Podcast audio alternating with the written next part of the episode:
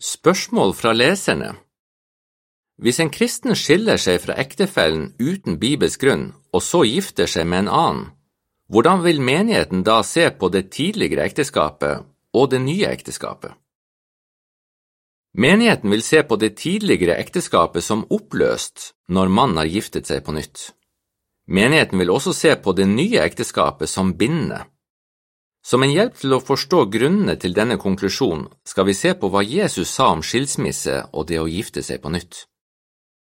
I Matteus 19,9 fortalte Jesus hva som er den eneste bibelske grunnen til å oppløse et ekteskap.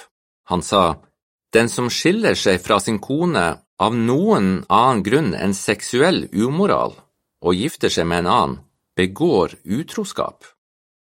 Jesu ord viser 1 at seksuell umoral er den eneste bibelske grunn til skilsmisse, og to, at en mann som skiller seg fra sin kone uten å ha denne bibelske grunnen og gifter seg med en annen, begår utroskap.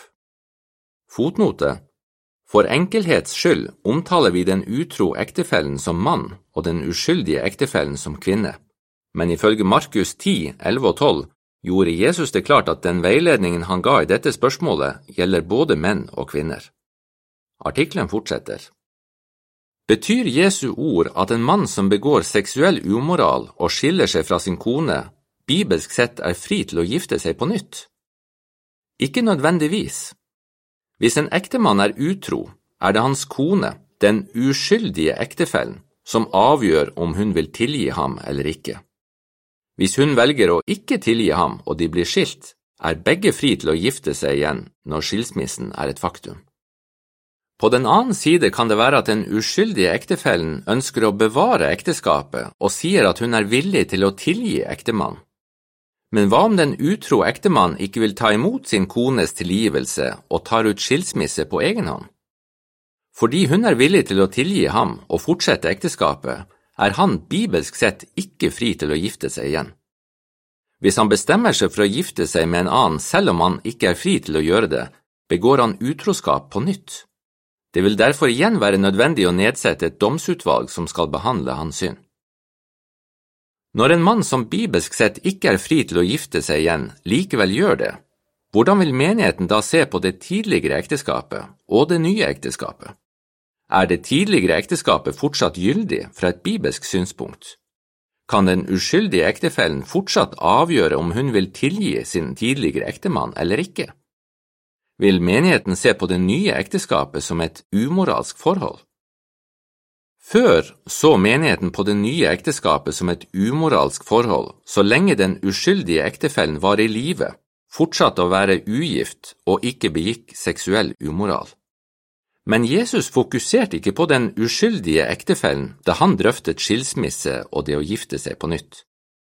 Poenget hans var at en mann som skiller seg uten bibelsk grunn og så gifter seg med en annen, begår utroskap. I et slikt tilfelle vil skilsmissen og det nye ekteskapet, som Jesus sidestilte med utroskap, oppløse det tidligere ekteskapet. Når en mann skiller seg fra sin kone og gifter seg på nytt, er det ikke lenger mulig for hans tidligere kone, den uskyldige parten, å velge om hun vil tilgi ham eller ikke.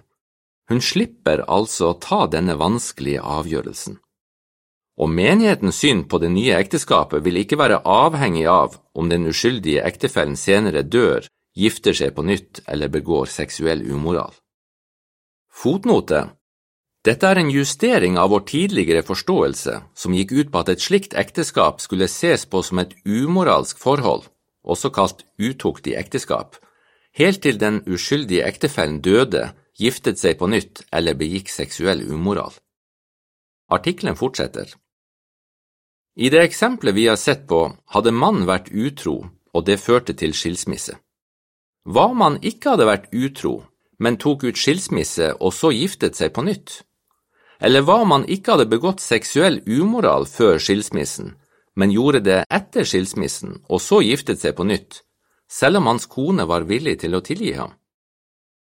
I alle disse eksemplene vil skilsmissen og det nye ekteskapet, som utgjør utroskap, oppløse det tidligere ekteskapet.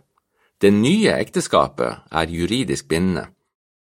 Vakttårnet for 15. mai 1980, side 31, sa det slik, Etter at han nå har inngått et nytt ekteskap, kan han naturligvis ikke bare gjøre slutt på det og begynne igjen der hvor han slapp.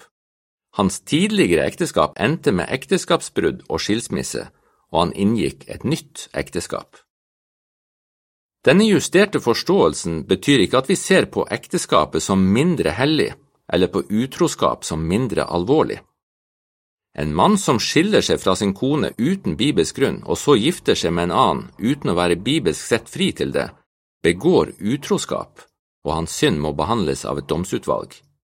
Hvis den nye ektefellen er en kristen, begår hun også utroskap, og hennes synd må behandles av et domsutvalg. Selv om det nye ekteskapet ikke vil bli sett på som et umoralsk forhold, vil det gå mange år før mannen er kvalifisert til å få spesielle privilegier i menigheten. Han kan ikke lenger ha et dårlig rykte på grunn av overtredelsen og den skammen den førte med seg, og andre må ha fått tilbake respekten for ham. Før de eldste lar ham få noen privilegier, vil de dessuten ta hensyn til hvordan det nå går med hans tidligere kone, som han kanskje utsatte for et utspekulert svik, og til hvordan det går med eventuelle mindreårige barn som han kanskje har forlatt. I betraktning av de alvorlige konsekvensene det får å skille seg på ubibelsk grunnlag og gifte seg på nytt, må alle kristne passe på at de ser på ekteskapet som hellig, slik Jehova gjør. Artikkelen slutter her. Du kan finne mer informasjon på vårt nettsted jw.org.